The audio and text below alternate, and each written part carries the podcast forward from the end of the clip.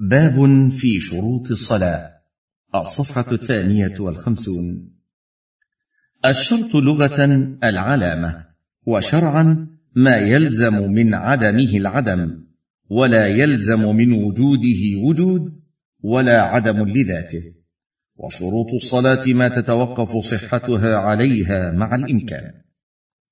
وللصلاة شرائط لا تصح إلا بها إذا عدمت أو بعضها لم تصح الصلاة. ومنها اولا دخول وقتها. قال تعالى إن الصلاة كانت على المؤمنين كتابا موقوتا أي مفروضا في أوقات محددة. فالتوقيت هو التحديد. وقد وقت الله الصلاة بمعنى أنه سبحانه حدد لها وقتا من الزمان. وقد أجمع المسلمون على أن للصلوات الخمس أوقاتا مخصوصة محدودة لا تجزئ قبلها. قال أمير المؤمنين عمر بن الخطاب رضي الله عنه الصلاة لها وقت شرطه الله لها لا تصح إلا به.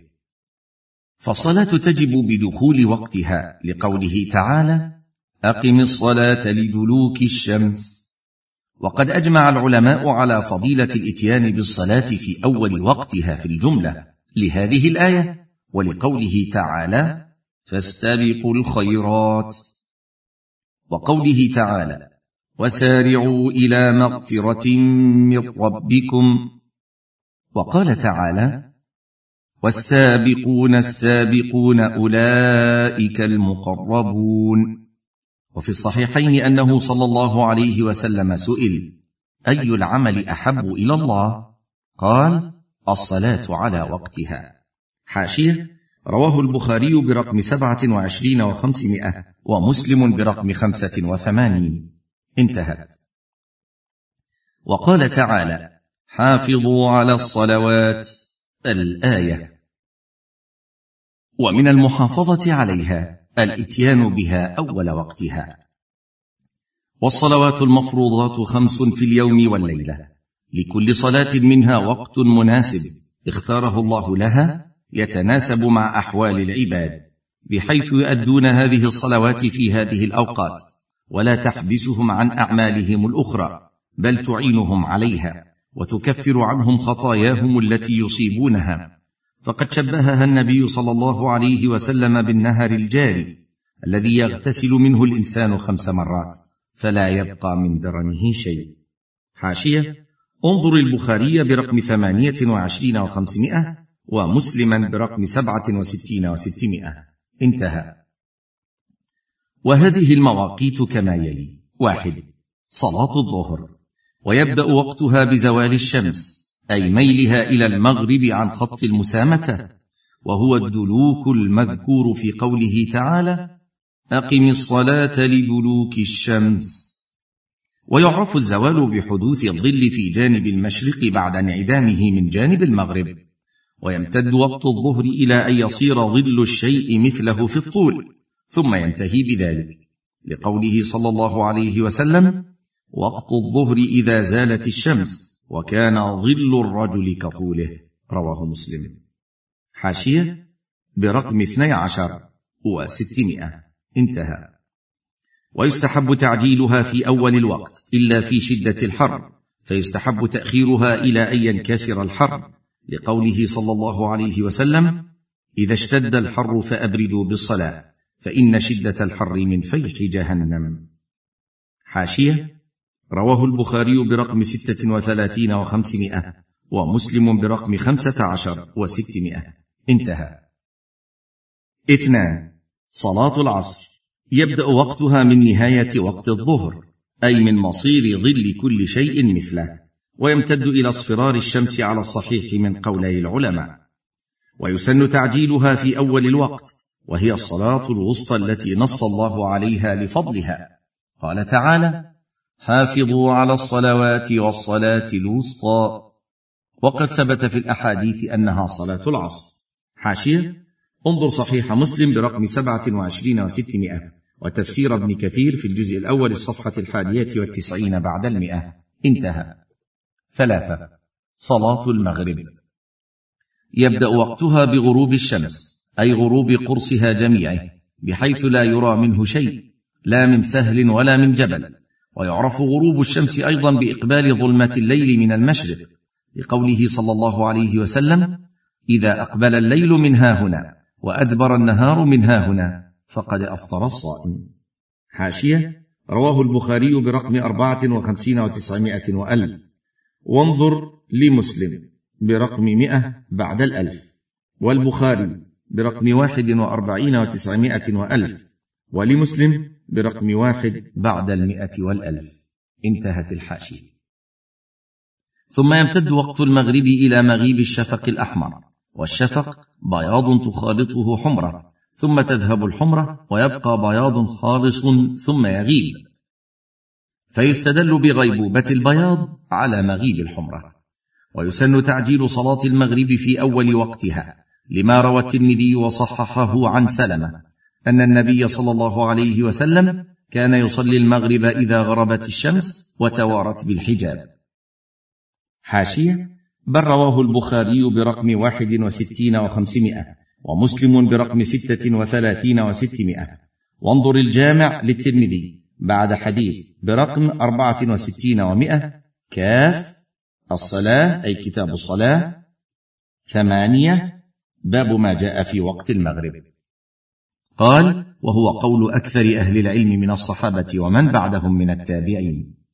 أربعة وصلاة العشاء يبدأ وقتها بانتهاء وقت المغرب أي بمغيب الشفق الأحمر ويمتد إلى طلوع الفجر الثاني وينقسم إلى قسمين.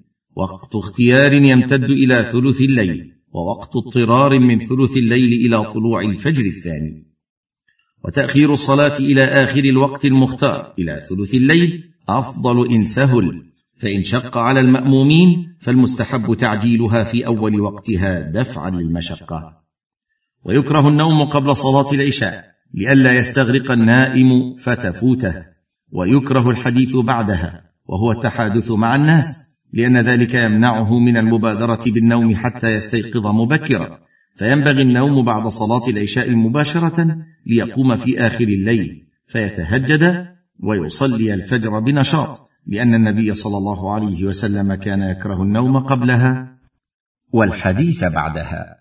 حاشية رواه البخاري برقم ثمانية وستين وخمسمائة ومسلم برقم سبعة وأربعين وستمائة من حديث أبي برزة. انتهى. وهذا إذا كان سهره بعد العشاء من غير فائدة. أما إذا كان لغرض صحيح وحاجة مفيدة فلا بأس. خمسة. صلاة الفجر. يبدأ وقتها بطلوع الفجر الثاني ويمتد إلى طلوع الشمس ويستحب تعجيلها إذا تحقق طلوع الفجر.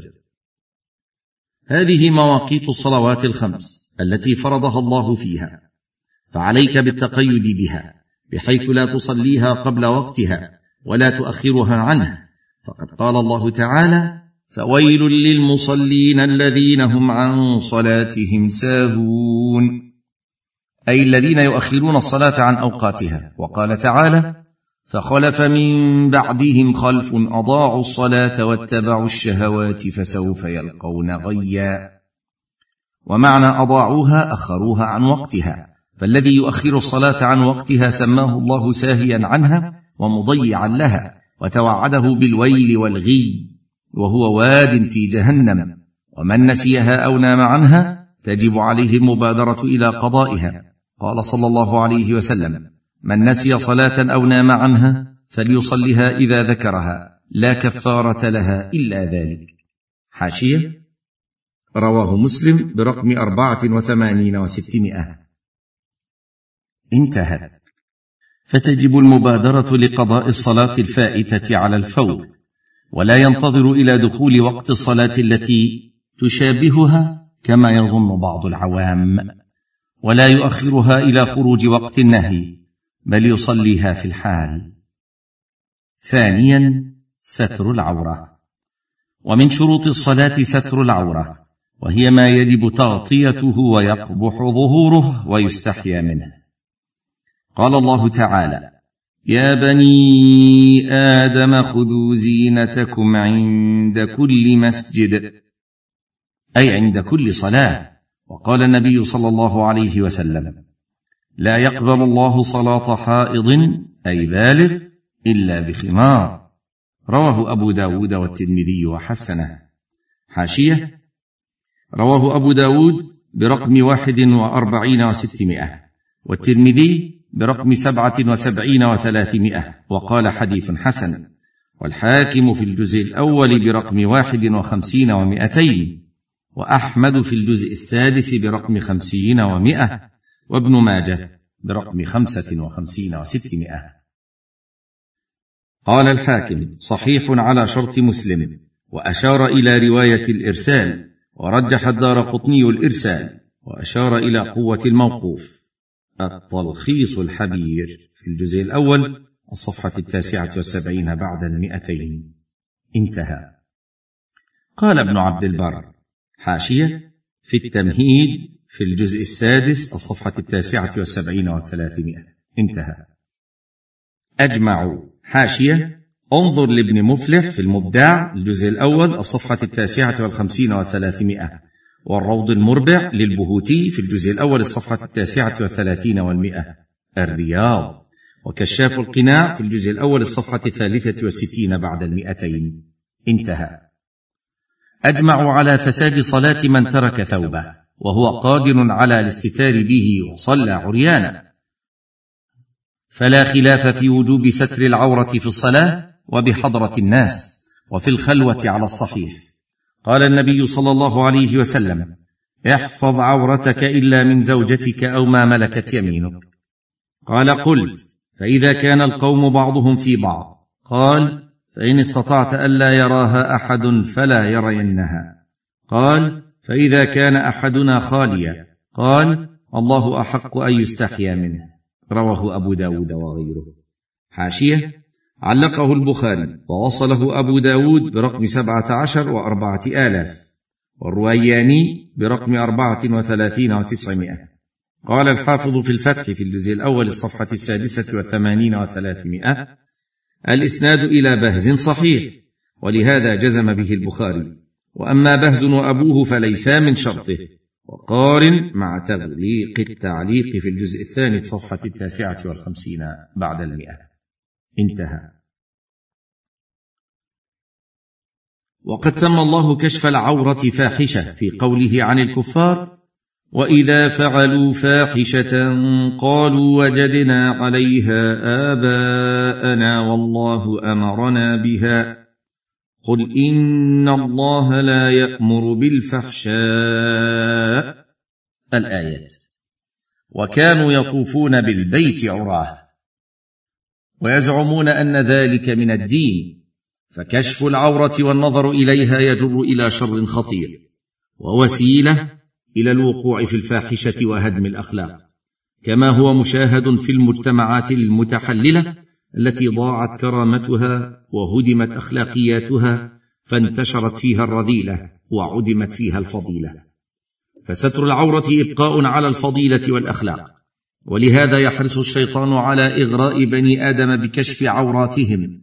وقد حذرنا الله منه في قوله يا بني آدم لا يفتننكم الشيطان كما اخرج ابويكم من الجنه ينزع عنهما ينزع عنهما لباسهما ليريهما سواتهما فكشف العورات مكيده شيطانيه قد وقع فيها كثير من المجتمعات البشريه اليوم وربما يسمون ذلك رقيا وتفننا فتكونت نوادي العراه وتفشى السفور في النساء فعرضت أجسادهن أمام الرجال بلا حياء ولا خجل. أيها المسلم إنه يجب ستر العورة بما لا يصف بشرتها. قال تعالى يا بني آدم قد أنزلنا عليكم لباسا يواري سوآتكم. الآية فمواراه العورة باللباس الساتر أمر مطلوب وواجب. وحد عورة الرجل الذكر من السرة إلى الركبة لحديث علي رضي الله عنه لا تبرز فخذك ولا تنظر إلى فخذ حي أو ميت رواه أبو داود وابن ماجه. حاشية. رواه أبو داود برقم أربعين ومائة وثلاثة آلاف. وابن ماجه برقم ستين وأربعمائة وألف. وأحمد في الجزء الأول الصفحة السادسة والأربعين والمئة. وانظر الحديث التالي. انتهى. وفي الحديث الآخر غط فخذك فإن الفخذ عورة. رواه مالك وأحمد والترمذي وحسنه. حاشية. رواه الترمذي برقم ثمانية وتسعين وسبعمائة وألفين وقال حسن وأحمد في الجزء الأول برقم خمسة وسبعين ومائتين. وقد علق البخاري في صحيحه الحديث نحوه وقال هو أحوط. انتهى. ومع هذا كله نرى مع الأسف الشديد كثيرا من الرجال. عندما يزاولون الألعاب يكشفون أفخاذهم ولا يغطون إلا العورة المغلظة. وهذه مخالفة صريحة لهذه النصوص. فالواجب عليهم التنبه لذلك والتقيد بأحكام دينهم وعدم الالتفات لما يخالفها. والمرأة كلها عورة لقوله صلى الله عليه وسلم والمرأة عورة. صححه الترمذي. حاشية. رواه الترمذي برقم ثلاثة وسبعين ومائة بعد الألف وابن خزيمة برقم خمسة وثمانين وستمائة بعد الألف. قال المنذري رجاله رجال الصحيح وصححه الدار قطني موقوفا ومرفوعا. انتهت الحاشية. ولحديث أم سلمة أتصلي المرأة في درع وخمار وليس عليها إزار؟ قال إذا كان الدرع سابغا يغطي قدميها. رواه أبو داود. حاشية رواه أبو داود برقم أربعين وستمائة. والحاكم في الجزء الأول ثمانين وثلاثمائة وقال صحيح على شرط البخاري. وصحح الدار قطني وابن حجر أنه موقوف. التلخيص الحبير في الجزء الأول الصفحة الثمانين بعد المئتين. ولأبي داود والترمذي وابن ماجه من حديث عائشة رضي الله عنها لا يقبل الله صلاة حائض إلا بخمار. حاشية. الترمذي برقم سبعة وسبعين وثلاثمائة وسبق في الجزء الأول الصفحة الثانية والثمانين. انتهى. قال الترمذي والعمل عليه عند أهل العلم أن المرأة إذا أدركت فصلت وشيء من عورتها مكشوف لا تجوز صلاتها. هذه الأحاديث مع قوله تعالى ولا يبدين زينتهن إلا ما ظهر منها وليضربن بخمرهن على جيوبهن ولا ولا يبدين زينتهن إلا لبعولتهن. الآية. وقوله يا أيها النبي قل لأزواجك وبناتك ونساء المؤمنين يدنين عليهن من جلابيبهن الآيات.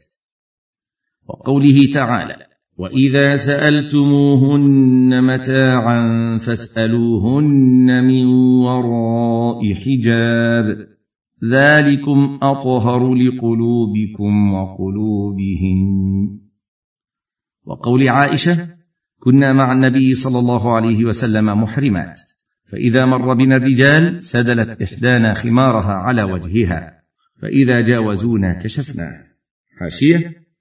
رواه أبو داود برقم ثلاثة وثلاثين وثمانمائة وألف وابن ماجه برقم خمسة وثلاثين وتسعمائة وألفين. وقواه الحافظ في التلخيص. انتهى. هذه النصوص وما جاء بمعناها من الكتاب والسنة وهي كثيرة شهيرة تدل على أن المرأة كلها عورة أمام الرجال الأجانب. لا يجوز أن يظهر من بدنها شيء بحضرتهم في الصلاة وغيرها. أما إذا صلت في مكان خال من الرجال الأجانب فإنها تكشف وجهها في الصلاة فهو ليس بعورة في الصلاة لكنه عورة عند الرجال غير المحارم فلا يجوز نظرهم إليه. وإنه لمن المؤسف المحزن ما وصل إليه كثير من نساء العصر المسلمات من تهتك وتساهل في الستر.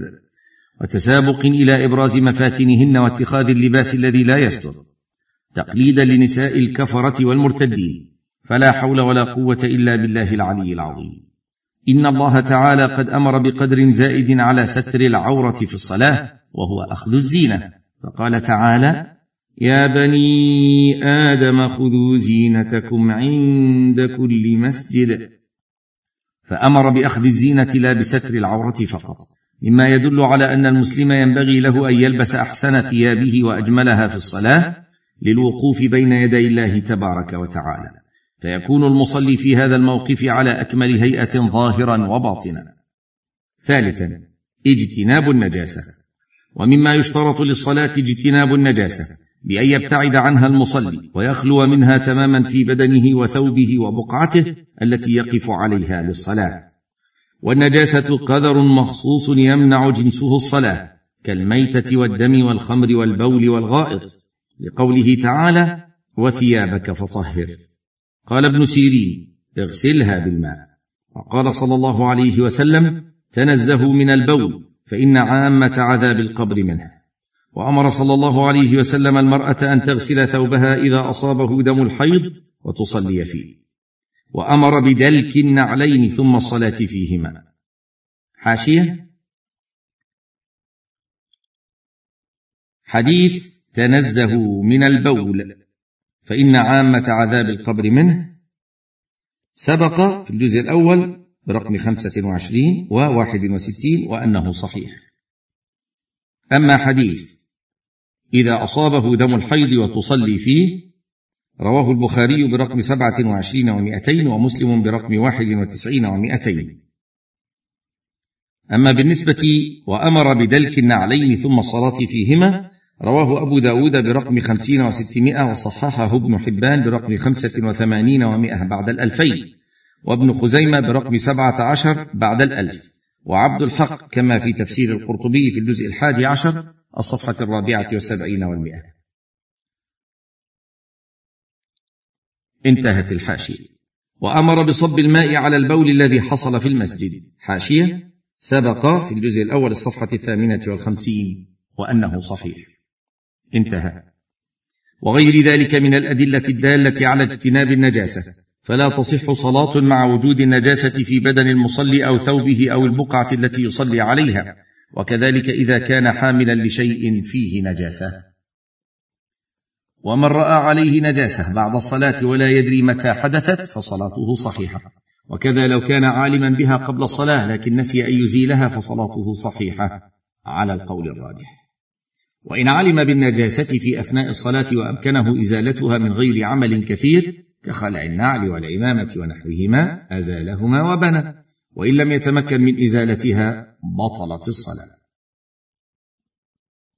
ولا تصح الصلاة في المقبرة غير صلاة الجنازة. لقوله صلى الله عليه وسلم الأرض كلها مسجد إلا المقبرة والحمام. رواه الخمسة إلا النسائي وصححه الترمذي. حاشية. رواه أبو داود برقم اثنين وتسعين وأربعمائة والترمذي برقم سبعة عشر وثلاثمائة وصحح إرساله وأعله بالاضطراب. وابن ماجه برقم خمسة وأربعين وسبعمائة وأحمد في الجزء الثالث الصفحة الثالثة والثمانين. وصححه ابن خزيمة برقم واحد وتسعين وسبعمائة وابن حبان برقم واحد وعشرين وثلاثمائة وألفين.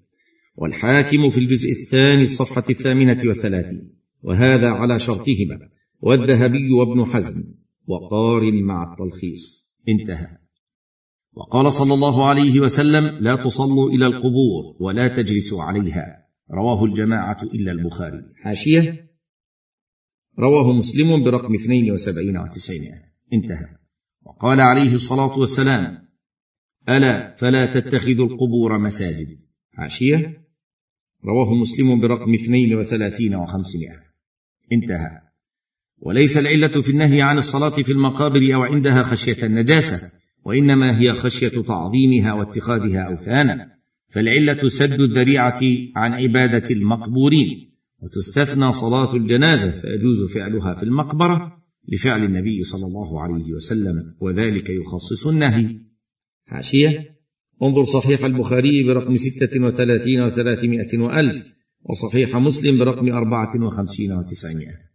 انتهى.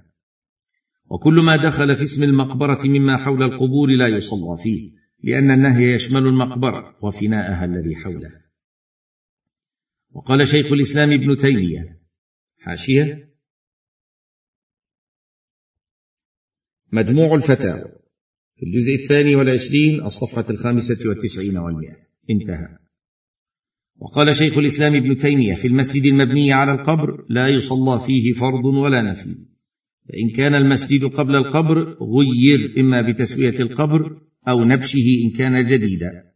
وإن كان القبر قبل المسجد فإما أن يزال المسجد وإما أن تزال صورة القبر. ولا تصح الصلاة في المسجد الذي قبلته إلى قبر لقوله صلى الله عليه وسلم لا تصلوا إلى القبور حاشية. رواه مسلم برقم 72 و900 انتهى. ولا تصح الصلاة في الحشوش وهي المراحيض المعدة لقضاء الحاجة. فيمنع من الصلاة في داخل الحش لكونه معدا للنجاسة ولأن الشارع منع من ذكر الله فيه فالصلاة أولى بالمنع ولأن الحشوش تحضرها الشياطين. ولا تصح الصلاة في الحمام وهو المحل المعد للاغتسال لأنه محل كشف العورات ومأوى الشياطين. والمنع يشمل كل ما يغلق عليه باب الحمام فلا تجوز الصلاة فيه. ولا تصح الصلاة في أعطان الإبل وهي المواطن التي تقيم فيها وتأوي إليها. قال الشيخ تقي الدين. حاشية في مجموع الفتاوى الجزء الخامس والعشرين برقم أربعين ومائتين انتهى. نهي عن الصلاة في أعطانها لأنها مأوى الشياطين. وكما نهي عن الصلاة في الحمام لأنه مأوى الشياطين فإن مأوى الأرواح الخبيثة أحق بأن تجتنب الصلاة فيه. وتكره الصلاة في مكان فيه تصاوير الصفحة التاسعة والخمسون. قال الإمام ابن القيم وهو أحق بالكراهة من الصلاة في الحمام لأن كراهة الصلاة في الحمام إما لكونه مظنة النجاسة وإما لكونه بيت الشيطان وهو الصحيح. وأما محل الصور فمظنة الشرك وغالب شرك الأمم كان من جهة الصور والقبور. حاشية. زاد المعاد الجزء الثالث الصفحة الثامنة والخمسون والاربعون انتهى. أيها المسلم عليك بالعناية بصلاتك. فتطهر من النجاسة قبل دخولك فيها وتجنب المواضع المنهي عن الصلاة فيها لتكون صلاتك صحيحة على وفق ما شرعه الله ولا تتهاون بشيء من أحكامها أو تتساهل فيه فإن صلاتك عمود دينك. متى استقامت؟ استقام الدين ومتى اختلت؟ اختل الدين. وفقنا الله جميعا لما فيه الخير والاستقامة. رابعا استقبال القبلة. ومن شروط الصلاة استقبال القبلة وهي الكعبة المشرفة. سميت قبلة لإقبال الناس عليها ولأن المصلي يقابلها. قال تعالى فول وجهك شطر المسجد الحرام وحيث ما كنتم فولوا وجوهكم شطره.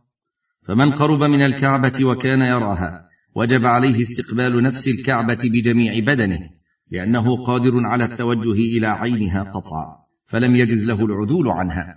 ومن كان قريبا منها لكن لا يراها لوجود حائل بينه وبينها اجتهد في إصابتها والتوجه إليها ما أمكنه.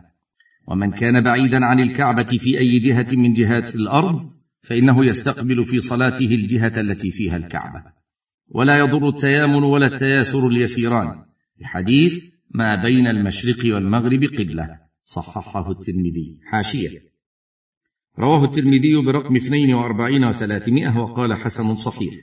وصححه البخاري وابن ماجه برقم أحد عشر بعد الألف والنسائي في الجزء الثاني برقم ستة وتسعين من الكبرى. وبالنسبة لنص وأما محل الصور فمظنة الشرك وغالب شرك الأمم كان من جهة الصور والقبور انتهى. فهذا في زاد المعاد في الجزء الثالث الصفحة الثامنة والخمسين بعد الأربعمائة. انتهت الحاشية. وروي عن غير واحد من الصحابة وهذا بالنسبة لأهل المدينة وما وافق قبلتها مما سامتها. ولسائر البلدان مثل ذلك. فالذي في المشرق مثلا تكون قبلته بين الجنوب والشمال والذي في المغرب كذلك. فلا تصح الصلاة بدون استقبال القبلة لقوله تعالى وحيث ما كنتم فولوا وجوهكم شطرا أي في بر أو جو أو بحر أو مشرق أو مغرب. إلا العاجز عن استقبال الكعبة كالمربوط أو المصلوب لغير القبلة إذا كان موثق لا يقدر عليه فإنه يصلي حسب استطاعته ولو لم يستقبل القبلة. لأن هذا الشرط يسقط عنه للعجز بإجماع أهل العلم. وكذا في حال اشتداد الحرب والهارب من سيل أو نار أو سبع أو عدو.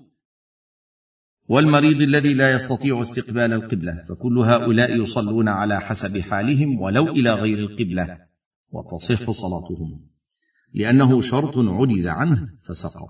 قال تعالى فاتقوا الله ما استطعتم. وقال النبي صلى الله عليه وسلم وإذا أمرتكم بأمر فأتوا منه ما استطعتم. حاشية. رواه البخاري برقم ثمانية وثمانين ومائتين بعد سبعة الآلاف. ومسلم برقم سبعة وثلاثين وثلاثمائة وألف. انتهى. وورد في الحديث المتفق عليه حاشية البخاري برقم خمسة وثلاثين وخمسمائة وأربعة آلاف. انتهى. أنهم عند اشتداد الخوف يصلون مستقبل القبلة وغير مستقبليها. ويستدل على القبلة بأشياء كثيرة منها الإخبار فإذا أخبره بالقبلة مكلف ثقة عدل عمل بخبره. إذا كان المخبر متيقنا القبلة وكذا إذا وجد محاريب إسلامية عمل بها واستدل بها على القبلة لأن دوام التوجه إلى جهة تلك المحاريب يدل على صحة اتجاهها. وكذلك يستدل على القبلة بالنجوم قال الله تعالى وبالنجم هم يهتدون خامسا النية. ومن شروط الصلاة النية وهي لغة القصد وشرعا العزم على فعل العبادة تقربا إلى الله تعالى ومحلها القلب فلا يحتاج إلى التلفظ بها بل هو بدعة لم يفعله رسول الله صلى الله عليه وسلم ولا أصحابه. فينوي بقلبه الصلاة التي يريدها كالظهر والعصر لحديث إنما الأعمال بالنيات. حاشيه رواه البخاري في الجزء الأول ومسلم برقم سبعة وتسعمائة وألف. انتهى. وينوي مع تكبيرة الإحرام لتكون النية مقارنة للعباده وإن تقدمت بزمن يسير في الوقت فلا بأس. ويشترط أن تستمر النية في جميع الصلاة فإن قطعها في أثناء الصلاة بطلت الصلاة. ويجوز لمن أحرم في صلاة فريضة وهو مأموم أو منفرد أن يقلب صلاته نافلة إذا كان ذلك لغرض صحيح. مثل أن يحرم منفردا فيريد الصلاة مع الجماعة. واعلم أن بعض الناس قد أحدثوا في النيه بدعة وتشددا ما أنزل الله بهما من سلطان. وذلك بأن يقول أحدهم نويت أن أصلي فرض كذا عدد كذا من الركعات أداء لله خلف هذا الإمام. ونحو ذلك من الألفاظ وهذا شيء لم يفعله رسول الله صلى الله عليه وسلم فلم ينقل عنه أنه تلفظ بالنية لا سرا ولا جهرا ولا أمر بذلك. قال شيخ الإسلام ابن تيمية رحمه الله اتفق الأئمة أنه لا يشرع الجهر بها ولا تكريرها بل من اعتاده ينبغي تأديبه والجاهر بها مستحق للتعزير بعد تعريفه لا سيما إذا آذى به أو كرره. إلى أن قال وبعض المتأخرين خرج وجها في مذهب الشافعي في ذلك وغلطه جماهير أصحاب الشافعي. قال الشافعي إن الصلاة لا بد من النطق في أولها فظن الغالط أنه أراد النطق بالنية وإنما أراد التكبير. انتهى كلام الشيخ. حاشية. انظر مجموع الفتاوى في الجزء الثاني والعشرين الصفحة السادسة والأربعين بعد المئتين والفتاوى الكبرى في الجزء الثاني الصفحة السابعة والأربعين بعد الأربعمائة وفي الجزء الرابع الصفحة الثامنة والثمانين بعد الثلاثمائة. انتهت الحاشية. والتلفظ بالنية كما أنه بدعة فقد يدخل في الرياء أيضا. الصفحة الحادية والستون. لأن المطلوب إخلاص العمل لله وإخفاؤه إلا ما ورد دليل بإظهاره. فالذي ينبغي للمسلم أن يكون وقافا عند حدود الشريعة عاملا بالسنن تاركا للبدع مهما كان نوعها وممن كان مصدرها. والله تعالى يقول قل اتعلمون الله بدينكم والله يعلم ما في السماوات وما في الأرض والله بكل شيء عليم فالله أعلم بنيات القلوب ومقاصدها فلا حاجة إلى التلفظ بها في الصلاة وفي جميع العبادات والله تعالى أعلم. وفق الله الجميع لما يحبه ويرضى.